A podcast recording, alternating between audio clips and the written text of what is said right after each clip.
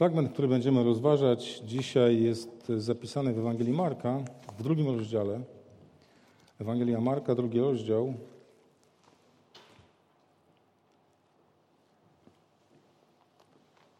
Od pierwszego wersetu opisuje nam pewne zdarzenie, które jest jeszcze w dwóch innych Ewangeliach zawarte i które z pewnością dobrze znamy. I znowu po kilku dniach przyszedł do Kafarnaum i usłyszano, że jest w domu. I zeszło się wielu takich się przed drzwiami już pomieścić nie mogli, a on głosił im słowo. I przyszli do niego niosąc paralityka, a dźwigało go czterech. A gdy z powodu tłumu nie mogli do niego się zbliżyć, zdjęli dach nad miejscem, gdzie był i przez otwór spuścili łoże, na którym leżał paralityk. A Jezus, ujrzawszy wiarę ich, rzekł paralitykowi, Synu, odpuszczone są grzechy Twoje. A byli tam niektórzy z uczonych w piśmie, ci siedzieli i rozważali w sercach swoich, czemuż ten tak mówi, on bluźni. Któż może grzechy odpuszczać oprócz jedynego Boga? A Jezus zaraz poznał w duchu swoim, że tak myślą w sobie i rzekł im, czemuż tak myślicie w sercach swoich? Cóż jest łatwiej rzec paralitykowi, odpuszczone są ci grzechy, czy rzec, wstań, weź łoże swoje i chodź. Lecz abyście wiedzieli, że Syn Człowieczy ma moc odpuszczać grzechy na ziemi, rzekł paralitykowi, Tobie mówię, wstań, weź łoże swoje i idź do domu swego. I wstał i zaraz wziął łoże i wyszedł wobec wszystkich, tak iż się wszyscy zdumiewali i chwalili Boga i mówili, nigdyśmy nic podobnego nie widzieli. To ciekawe, że ten Opis uzdrowienia paralityka jest zawarty jeszcze w dwóch innych Ewangeliach, w Ewangelii Mateusza i w Ewangelii Łukasza, ale Marek, który jest taki dosyć skromny w swojej treści, przekazywaniu Ewangelii, akurat temu zdarzeniu poświęcił dość dużo czasu, jak na Marka, ewangelistę. I możemy od razu, e, znając czy rzucając oko na wcześniejszy rozdział, przypomnieć sobie, że Jezus zaczynał swoje nauczanie od Kafarnaum po chrzcie, jest powiedziane, że weszli do Kafarnaum i do synagogi i nauczał i dokonał cudu takiego e, jak wypędzenie demona z człowieka, który był w tej synagodze i potem udał się do domu Szymona Piotra, czy do domu jego teściowej. Tam teściowa leżała w gorące i znowu ją uzdrowił. I po tym wydarzeniu tłumy zeszły się z okolic, z Kafarnaum i przynosili wszystkich, którzy się źle mieli, chorowali, którzy potrzebowali uzdrowienia. Całe miasto, jest powiedziane, zgromadziło się u drzwi. I uzdrowił wielu, wielu 34 werset pierwszego rozdziału, których trapiły przeróżne choroby i wypędził wiele demonów, ale nie pozwolił demonom mówić, bo go znali. I wczesnym rankiem udał się na osobnione miejsce. Uczniowie Szukali go, poszli za nim, on poszedł po to, żeby się modlić i potem mówił, musimy iść jeszcze do innych miast Galilei, żeby i tam głosić Boże Słowo. I wrócił, jak widzimy, znowu do Kafarnaum, czyli całkiem niedawno opuścił to miasto, e, opuścił e, w takiej atmosferze kogoś, kto ma moc nad wszelkimi chorobami, wszelkimi słabościami, ludzkiego ciała i, i wrócił do tego miejsca, od którego zaczął. I kiedy e, widzimy, że jest e, w domu, czyli prawdopodobnie chodzi znowu o ten sam dom, o dom Szymona Piotra albo jego teściowej. I dzisiaj możemy zwiedzić to miejsce, jeżeli pojedziemy do Izraela, jeżeli ktoś już był, to wie, ja jeszcze nie, że jest w Kafarnaum taka e, kaplica pobudowana przez chyba Franciszkanów, e, która jest umieszczona nad wykopaliskami, które uważane są za dom Piotra. A to z tego względu te wykopaliska, czyli takie niewysokiej wysokości murki, które wyznaczają granice ścian i tam jakiegoś zewnętrznego kształtu tego domu i poszczególnych pomieszczeń. Oczywiście nad tym pobudowano kaplicę, tak że można przez szybę w tej kaplicy zobaczyć, y, jak to tam wyglądało, ale też z zewnątrz widać, bo to jest tak na takich nogach postawione. Taki spodek. Widziałem zdjęcia. I e, uważa się, że to jest dom Piotra, a to z tego względu, że mm, dom ten był uważany za miejsce spotkań pierwszych chrześcijan i jego architektura pasowałaby do miejsca, które potem e, najpierw było jakimś małym domem, ale potem było powiększane i było mm, widać jakąś salą, jakimś większym pomieszczeniem, więc architekci, archeolodzy uznali, że pasuje to do tego miejsca i podobno ten dom na początku wcale nie był duży. Była to zwykła chata, zwykły dom.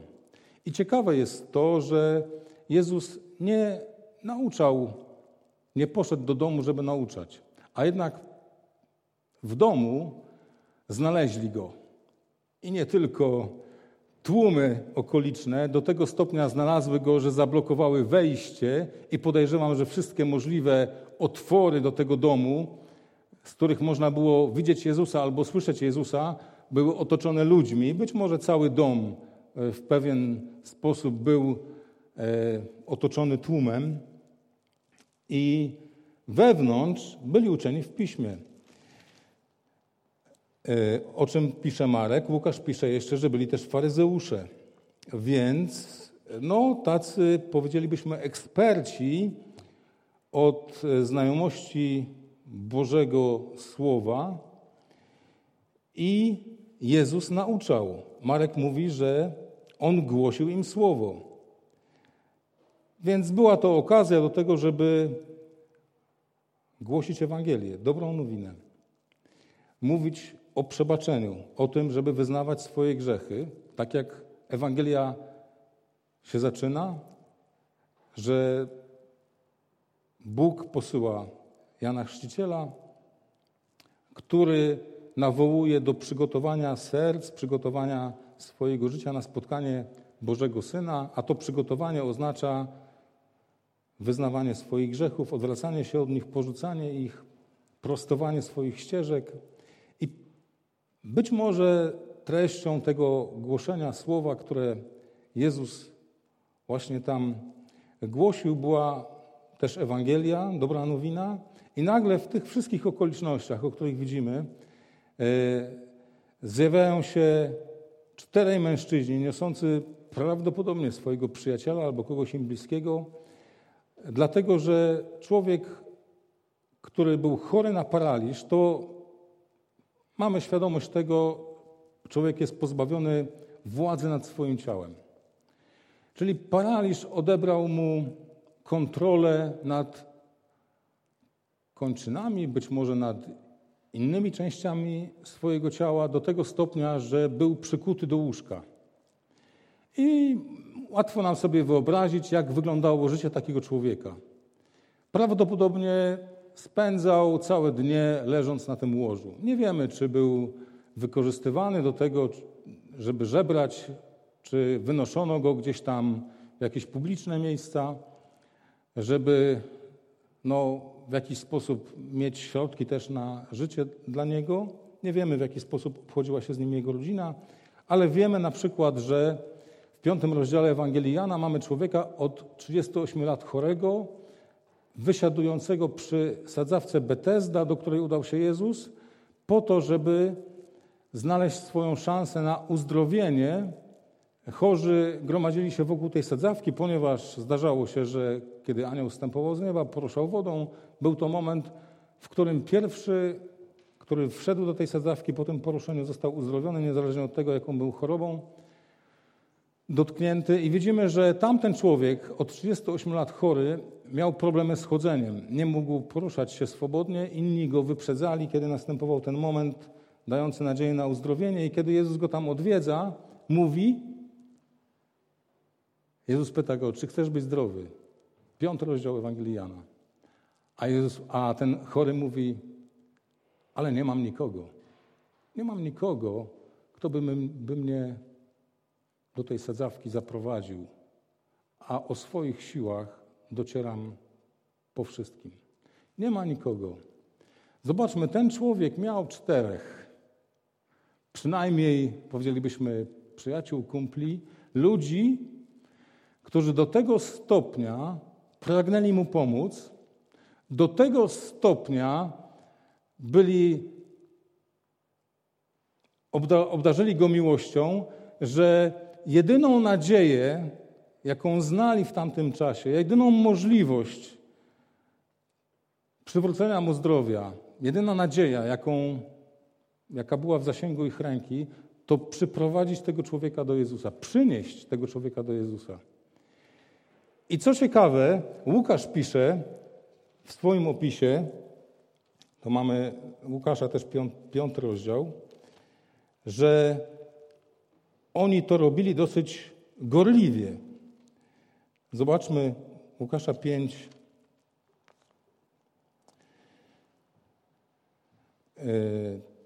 18, że oto mężowie nieśli na łożu człowieka sparaliżowanego i usiłowali wnieść go, do, wnieść go i położyć przed nim, usiłowali.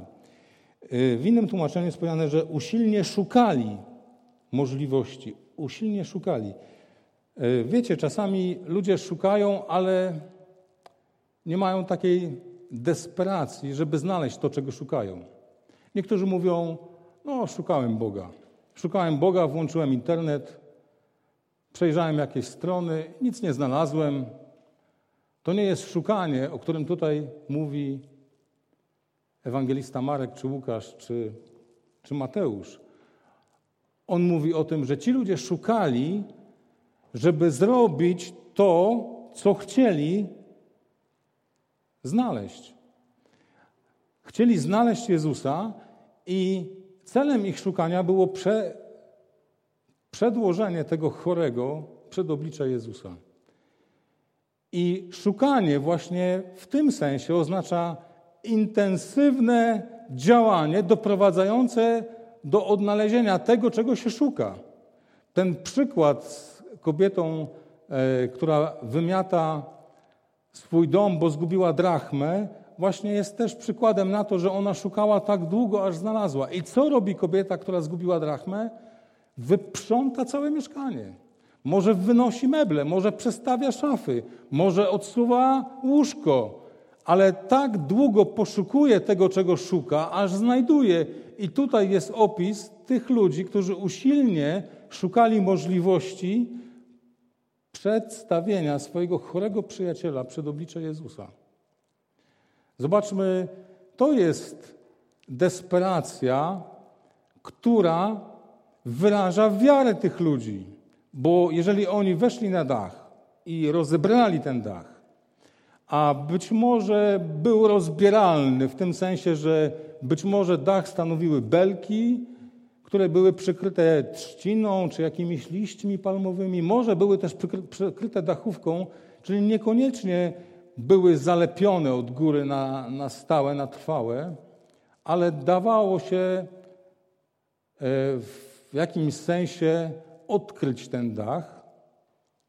Oczywiście musiało coś ulec zniszczeniu z pewnością, ale była to jakaś opcja, na którą wpadli ci czterej. Prawdopodobnie też były schody prowadzące na ten dach, ponieważ wiemy, że na dachu można było e, nocować, na dachu można było spędzać jakieś e, chłodne popołudnia, wieczory, więc dach może służył też w pewnym sensie za jakiś taras, więc to nie było tak, jak my byśmy dzisiaj mogli sobie w naszym kraju pomyśleć o tym, że gdzieś tam dachówkę komuś rozbierają i powodują jakieś trwałe tam zniszczenie, przebijanie się przez strop czy cokolwiek. U nas nie ma takich domów prawdopodobnie, e, które by były porównywalne do tamtych, że można było ten dach rozebrać po prostu. Było to możliwe. I zobaczmy, że ta gorliwość szukania, zakończona właśnie sukcesem, znalazła uznanie w oczach Jezusa. Jezus mówi, patrząc na nich, mówi, widział ich wiarę. Wiara wyraża się w konkretnym działaniu. Wiara jest widoczna w tym, jak postępujemy, jak dalece nam zależy na tym obiekcie, którego obdarzamy wiarą, czy potrzebą, czy poszukiwaniem. Ona się wyraża właśnie w takiej desperacji, e, w wykonywaniu rzeczy, które być może nie przychodzą do głowy na pierwszy rzut oka. No co mogli zobaczyć czterej mężczyźni, którzy natachali się, dźwigając tego swojego chorego przyjaciela na łożu, kiedy dotarli do tego miejsca i widzieli oblepiony dom tłumem ludzi. Mogli albo po prostu po kolei wyrzucać tych ludzi, ale to byłoby trudne chyba jednocześnie dźwigając tego chorego ze sobą, albo być może nawet już próbowali, ale widzieli, że to nie przynosi rezultatu i nie spoczęli na tych przeszkodach, na które napotkali. Oni byli gotowi miłość do tego swojego przyjaciela nie dawała im spokoju do tego stopnia, że byli gotowi szukać innego sposobu na to, żeby doprowadzić do spotkania tego chorego z Jezusem. To nas zachęca do tego, żeby szukać i nie ustawać, kiedy napotykamy przeszkody.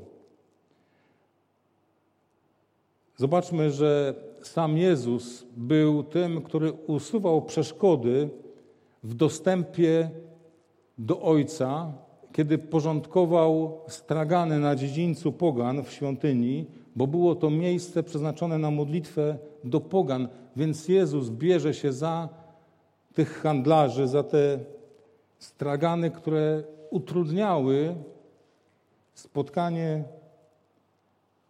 ludom spoza Izraela w domu modlitwy z Ojcem.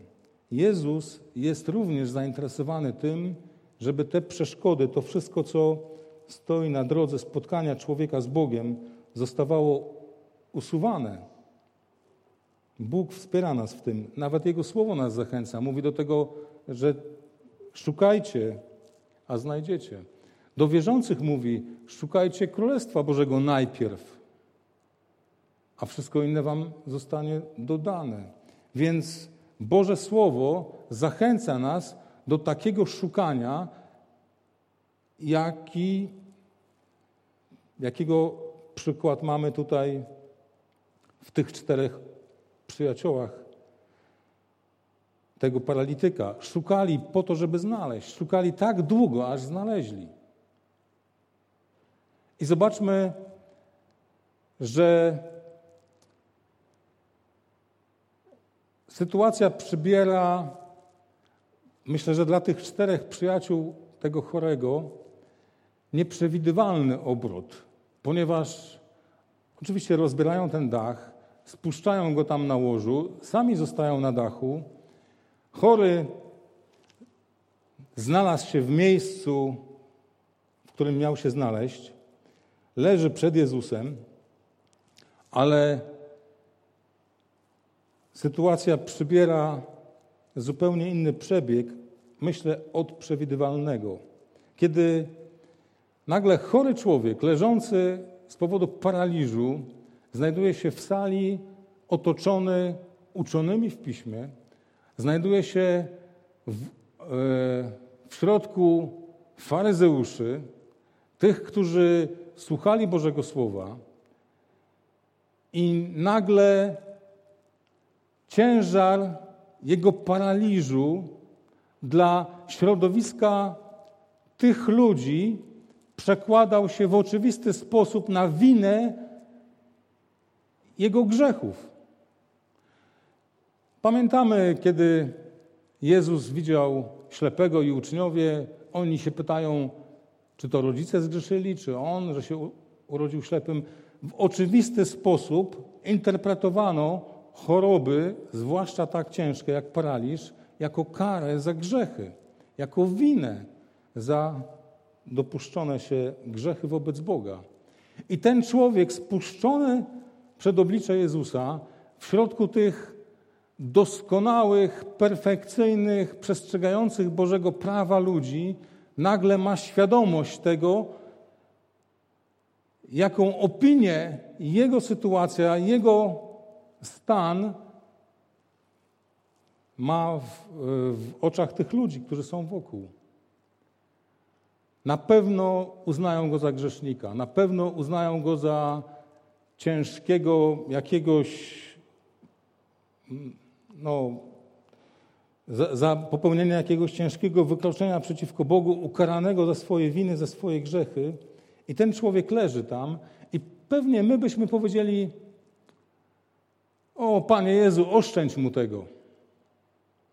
Oszczędź temu biedakowi tego wywoływania poczucia winy za swoją sytuację związaną z własnymi grzechami. Ale Jezus tak nie robi. I ci czterej przyjaciele nagle słyszą, że Jezus mówi do niego, nie mówi najpierw wstań, weź swoje łoże i chodź, tylko ujrzawszy ich wiarę, wiarę, która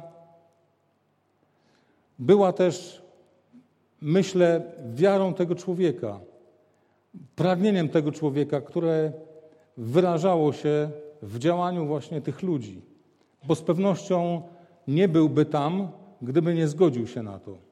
Gdyby to nie było też jego pragnieniem, jego modlitwą, może marzeniem. I Jezus, widząc ich wiarę, to wszystko, czego dokonali po to, żeby doprowadzić do tego spotkania, mówi: Ufaj. Mówi, synu, e, ujrzawszy ich wiarę, synu, odpuszczone są grzechy Twoje. Ciekawe, że Mateusz właśnie mówi: ufaj. Ufaj, bądź dobrej myśli. I zobaczmy, że w pierwszej kolejności zajmuje się jego duchową sytuacją. Właśnie usuwa ten stygmat, który był przypisany jego osobie. Jezus robi coś więcej niż oczekiwali, że zrobi.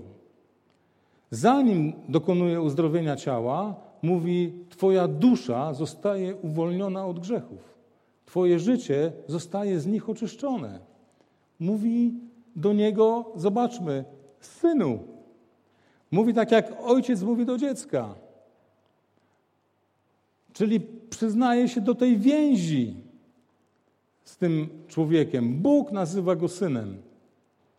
Mówi: Nie jesteś bękartem, nie jesteś e, oddzielony od więzi z Bogiem, nie jesteś pozbawiony więzi rodzicielskiej Boga Ojca. On mówi synu do niego. On wkłada w niego takie poczucie właśnie nieodrzucenia zupełnie przeciwne niż wszyscy wokół z pewnością wyrażali. I on mówi: Ufaj, odpuszczone są grzechy Twoje. A oczywiście wywołało to wśród uczonych w piśmie, wśród faryzeuszy oburzenie. Nawet nie wypowiadali go głośno, ale mieli takie myśli, takie przekonania. Rozważali w sercach, czemuż ten tak mówi, on bluźni. Któż może grzechy odpuszczać oprócz jedynego Boga? A Jezus oczywiście poznał, nie potrzebował słyszeć tych słów, a doskonale, doskonale je znał. Ale zobaczmy, że Bóg demonstruje tutaj w osobie Jezusa władzę nad odpuszczaniem grzechów, wykorzystując sytuację tego paralityka. Zobaczmy, że Jezus zadaje takie pytanie uczonym w piśmie faryzeuszom. Co jest łatwiej powiedzieć? Czy odpuszczone ci są grzechy, czego nie widać? Każdy może powiedzieć takie słowa: Twoje grzechy są odpuszczone. Jak to sprawdzić, czy są? Łatwiej tak powiedzieć. Ale spróbuj powiedzieć paralitykowi: Wstań, weź swoje łoże i idź do domu. I zobacz, czy równie łatwo jest wykonać takie słowo jak tamto słowo. Jezus pokazał, że tak jak prawdziwe jest słowo, które przynosi zdrowie temu człowiekowi fizyczne, tak prawdziwe jest słowo przynoszące duchowe zdrowie temu człowiekowi. Że to, co widać oczami i da się sprawdzić, że słowa wypełniają się, tak samo w tej duchowej sferze one się wypełniają. I zobaczmy, że Jezus jest powiedziane, że był tam po to, żeby nauczać słowa. I nagle okazuje się, czym jest to słowo. Ono nie jest teorią, ono jest rzeczywistością. Ono jest czymś, co można zobaczyć, co jest prawdziwe, co nie jest jakąś filozofią, jakimś zwykłym y, religijnym konwenansem czy czymkolwiek po prostu, rzeczywistością. Słowo, o którym wcześniej mówił, teraz kierowane do tego człowieka wypełnia się. To jest Boże Słowo. Zobaczmy, jak powinniśmy ufać Jezusowi, że w Jego obecności sprawy wzięte w Jego ręce są najbardziej właściwie rozpatrywane czy załatwiane w taki sposób, w jaki On tego dokonuje, a nie w taki, jaki my byśmy myśleli, że będą się działy. Człowiek, o którym pewnie paralitycy nie myśleli, że Jezus będzie zajmował się jego grzechami, tylko jego ciałem, będzie wzbudzał litość, będzie wzbudzał poczucie współczucia, takiego właśnie ochraniania go przed tymi bolesnymi może stwierdzeniami, chłopie, coś ty narobił w życiu, że cię to spotkało. Jezus nie oszczędza mu tego, ale wywołuje właśnie ten schemat myślowy, to przekonanie, po to, żeby pokazać mu, że rzeczywistość duchowa też jest, też udziela zdrowia Jezus w tej sferze. I to jest wspaniałe, że możemy pragnąc przyprowadzić kogoś do Jezusa, jeżeli przyprowadzimy go do Niego, to możemy być pewni, że sposób postępowania Jezusa z tym człowiekiem jest właściwy. Nie może taki, jak my byśmy oczekiwali, nie taki, jakby oczekiwał człowiek, który się spotkał, ale właściwy z Bożej perspektywy. Wieczne uzdrowienie uwolnienie od grzechów. I co jest ciekawe właśnie, że Jezus mówi, odpuszczone są ci grzechy. I wiecie, że to samo słowo e, oznacza uwolniony jesteś od grzechów, uwolniony od więzów tych grzechów. I zobaczmy, ten człowiek był zniewolony paraliżem. I Jezus mówi: Twoje grzechy zostaną od ciebie, zostają od Ciebie odjęte. Nie, nie wiążą Cię już. I potem mówi, Twoje ciało zostaje uwolnione od paraliżu. Nie jesteś nim związany. Nie jesteś obezwładniony, tak jak grzechami nie jesteś obezwładniony, tak samo chorobą swojego ciała nie jesteś zniewolony. Jesteś znowu wolny, by mieć władzę we, we w swoich członkach ciała. Jakie to jest właśnie niesamowite, że Bóg w taki sposób obrazuje tą duchową rzeczywistość. Czy jestem uwiązany jakimś grzechem? Czy on mnie obciąża? Czy on mnie zniewala? Czy powoduje, że jestem jak paralityk w jakiejś sferze swojego życia. Nie mam kontroli władzy. Mnie obezwładnia. Jeżeli Jezus mówi, że wybacza grzechy, uwalnia od nich, od więzów ich, to znaczy, że przywraca nam, nam tą wolność od brzemienia tego grzechu, od ciężaru tego grzechu. Zdejmuje to brzemię. I zobaczmy, że Jezus wykorzystał tą sytuację, żeby publicznie oczyścić tego człowieka z winy. Żeby zamknąć wszystkim usta i dać świadectwo tego, że Bóg wybacza. Może było tak, że nagrzeszył. No, czytaliśmy, Jan mówi, jeśli człowiek mówi, że nie ma grzechu, jest kłamcą. Każdy jeden. Jeden ma takie grzechy, drugi inny. Ale że choroba taka jak paraliż wywoływała u ludziach skojarzenia tego typu, że no, nagrzeszył więcej niż przeciętny człowiek, to Jezus mówi to w takim sensie publicznie daje mu wolność od tego stygmatu bycia uważanym za grzesznika w oczach innych ludzi. Jezus uwalnia. Jezus powoduje tą zmianę. Mówi: Masz władzę w rękach, w nogach, możesz wziąć to łoże, do którego byłeś przykuty.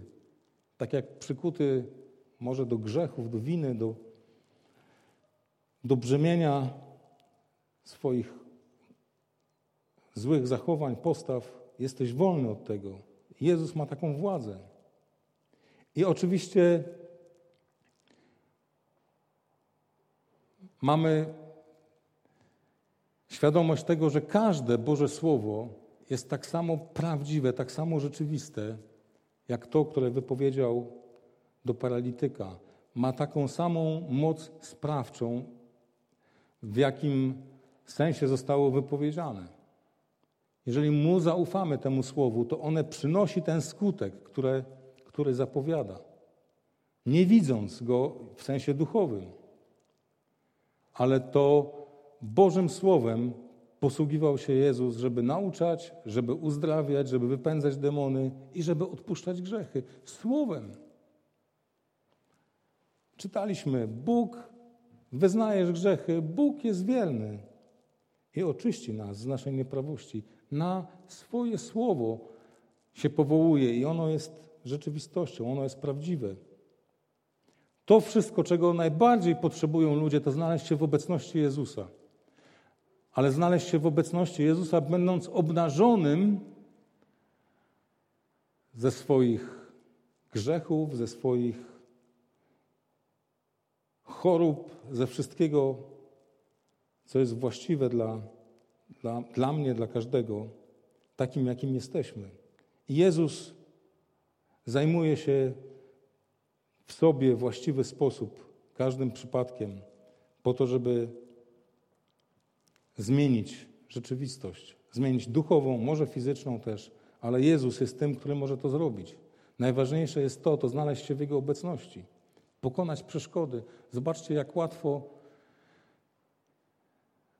nas przeszkody odwodzą od tego, żeby dotrzeć do obecności Bożej. Nie mówię w sensie znalezienia się tutaj w tym miejscu, ale w swoim osobistym życiu. Jak łatwo jest rozproszyć naszą uwagę wtedy, kiedy chcemy skupić się na tym, żeby znaleźć się w Jego obecności, w modlitwie. Przeszkody same się pojawiają, po prostu jest ich wiele. To jest coś, co musimy pokonywać, żeby znaleźć to, czego szukamy, znaleźć się w tym miejscu, gdzie Bóg nas słyszy, widzi, rozumie, gdzie możemy wylać przed Nim swoje serce, gdzie możemy mieć przekonanie, że to jest społeczność z Nim, że będzie do nas mówił przez swoje słowo, że to słowo jest tak samo prawdziwe, jak słowo wypowiedziane do paralityka. To na tym powinno nam zależeć. Albo jeżeli chcemy kogoś przyprowadzić do Jezusa, to oczywiście wziąć może na siebie bariery, których ktoś nie jest w stanie pokonać. Tak jak ci paralitycy. Może właśnie w jakiś e, niesztampowy, niestandardowy sposób inicjować takie spotkanie, czy doprowadzać do takich spotkań. Te słowo nas zachęca do tego, wyraża przez to naszą wiarę w tej determinacji, w chęci doprowadzenia do takiego spotkania, albo w chęci spotkania się przez nas z Bogiem. W tym wyraża się nasza wiara. Czy mamy taką determinację? Czy brniemy przez trudności, żeby doprowadzić do takiego spotkania. Ale zobaczmy, spotkanie z Jezusem jest tym, czego potrzebujemy, czego potrzebują ludzie najbardziej, od którego płynie uzdrowienie duszy, uzdrowienie też ciała, w tym przypadku. Ale przede wszystkim właśnie On, który jest dawcą życia, ma po prostu pełną możliwość udzielenia nam tego, czego potrzebujemy do życia, do zbawienia. To jest cel pokazania nam tej, tej historii, dotarcie do Jezusa pomimo przeszkód, dotarcie pomimo y, utrudnień ze strony innych ludzi, ze strony jakiejś infrastruktury, ze strony różnych może innych okoliczności. Może nawet pewna nieśmiałość mogła ogarnąć tych ludzi, kiedy dowiedzieli się, że tam w środku siedzą ludzie, o których pisze e, Łukasz, że zebrali się z Judei, z Galilei, z Jerozolimy, uczeni w piśmie faryzeusze, tam po prostu zgromadzili się, żeby dyskutować na temat Bożego Słowa.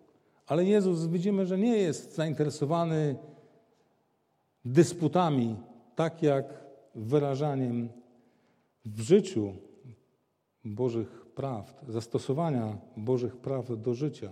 Wcześniej w synagodze wypędził demona z człowieka.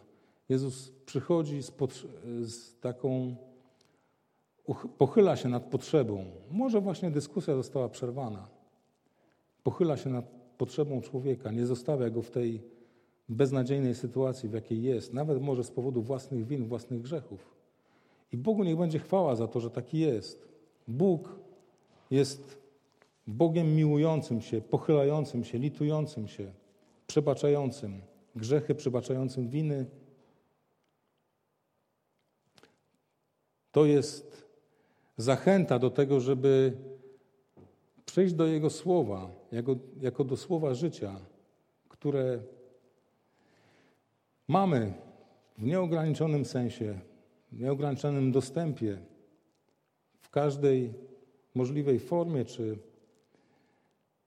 spotkań, czy indywidualnego studiowania, ale czerpać właśnie z tego słowa życie, które Bóg chce nam przekazać przez nie. I Bogu niech będzie chwała za to, że to leży w naszych możliwościach. To nawet nie jest bariera, którą musimy pokonywać w sensie języka, w sensie.